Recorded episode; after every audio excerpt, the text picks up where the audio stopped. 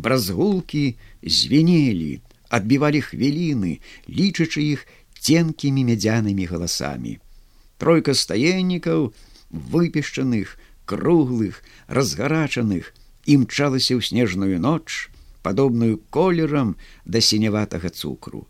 Коні, нібы гумалясткавыя, выцягваліся цугам адзін за адным, гнулі паліраваныя шыі у лебядзіныя кольцы, стрыглі вострымі, як сталёвыя ножніцы вушамі, нюхалі снежнае паветра, храплі гучна, бадзёра. Пара белым дымам клубілася з іхніх ноздраў. Яны выкідвалі капытамі рытмічныя мерныя скокі. Круглыя, як талеркі капыты, дарагое панскае тройкі з крохкім вохканнем мільгалі ў мяккім снезе. быццам не капыты датыкаюцца да зямлі, а невідочны фокуснік жанглёр перакідвае з рукі ў руку 12 дубовых кружалак.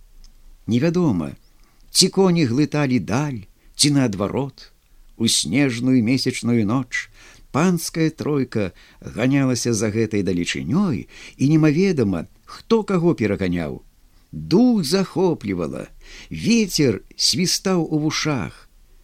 І седакі на санях адчувалі, што яны рэжуць сабою напружанае, як шкло зімовае паветра.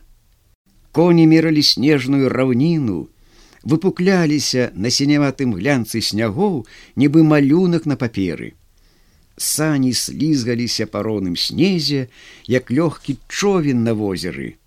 Насупраць іх насіліся, як звар'яцелыя кучаравыя елкі, дробныя хмізнячкі, якія выглядалі пасівелымі ў дарозе нямымі вандроўнікамі. У прасторных панскіх санях сядзела чацвёра людзей. На заднім сядзенні з пухкім мядзвецкім дываном на нагах пан вашамірскі з ксяндзом, на пярэднім фурман салаўём. Усе маўчалі яны былі захопленыя пекнатою зімовай месячнай ночы. Ва ўсіх пачуццё было спачатку звязана і пераплецена нечым адным, і чацвёра людзей у сваім маўчанні, у назіранні навакольнай смуглай белі вельмі блізка былі між сабой або нават адной істотай падзеленай на чатыры часткі. Усе ўспрымалі гэтую ноч неадлучна ад прыгожай тройкі.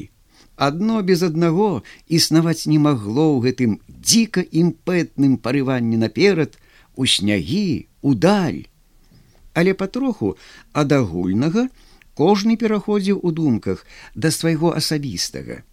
Поўны суцэльны шырокі прастор мелі перад сваімі вачыма фурман і салавей фурман усю ўвагу аддаў на тое каб не перавярнуць саней з незвычайнай кемнасцю ён трымаў лейцы ў левай руцэ і даўгую пугу ў правай.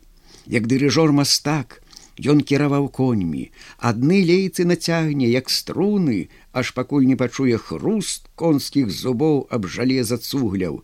Другія лейцы адпусціць слаба, пакуль яны не прыпадуць нізка да самага снегу доўгім выгнутым ментузом потым хлясне лейцамі аб конскія круглыя бакі, стральне пугай, цмокне губамі, гікне, свісне і з нейкай затаённай гордасцю выпрастаецца на сядзенні. Ён гляне ўдаль дарогі супакоем алімпійскага бога, як трыумфальны пераможца, як уладарнік неабмежаваных прастораў, або на хвіліну увап'ецца вачыма ў круглыя крыжы стаеннікаў, нібы нешта на іх чытае. Пасля гэтага зноў пачне лейцамі штукі рабіць. Салавей мае поўную волю глядзець ва ўсе бакі, не аб чым не думаць. Ён ловіць кожны гук ночы, кожны шолах снегу, любуецца рытмікай бразгулак, тахтам глухога тупату капыт, Усе гукі ночы зліваюцца ў яго ўспрыманні у цельную мелодыю, якая казытуе вушы. Ад сядзення без руху яму то горача, то холодна робіцца ў левай частцы цела ад галавы да ног. Яму здаецца, што мелодыя падае на яго снежнымі кроплямі, акутвае белым кажухом, а зялёныя месячныя іскры ў снезе мігаюць да яго бляскам зоскіных вачэй.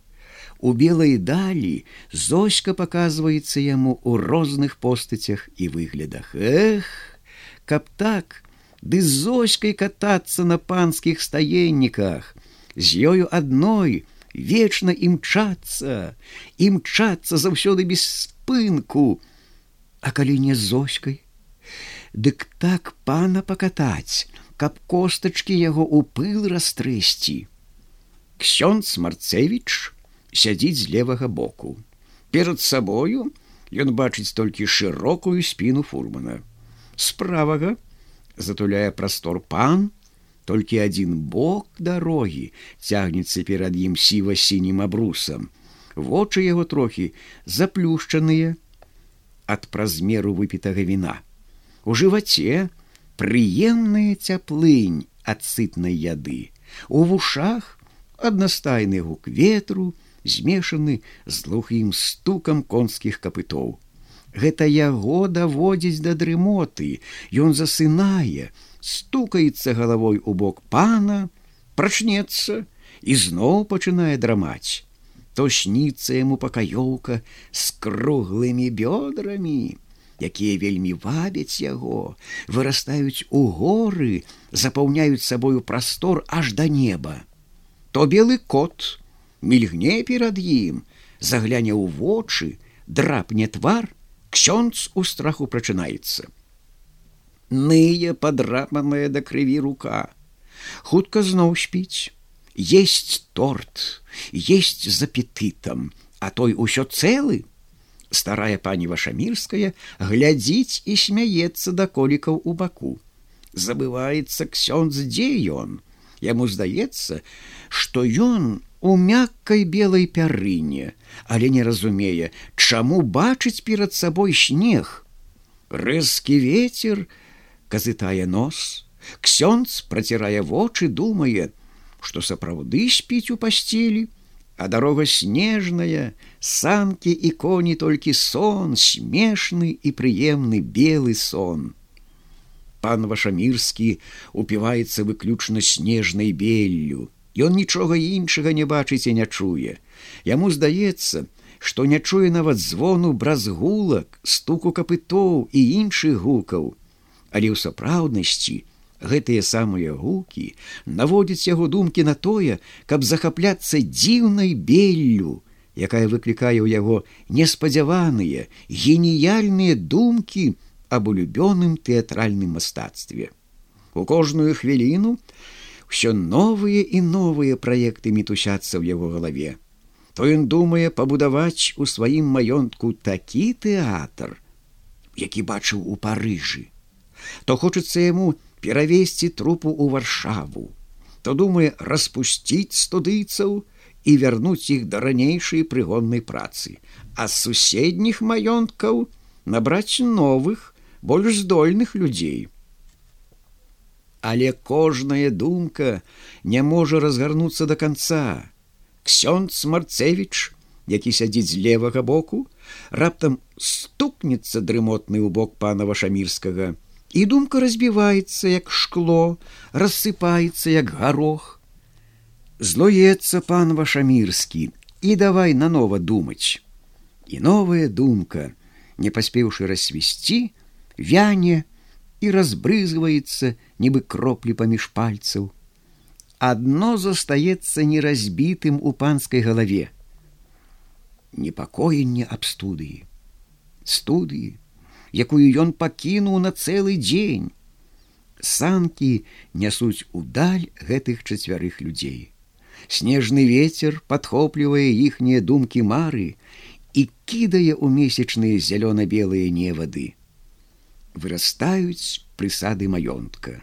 Тройка кідаецца туды, як у казачную браму, гучныя бразгулкі плаваюць, лунаюць у паветры і даносяць у маёнтку звесткі, што пан вярнуўся.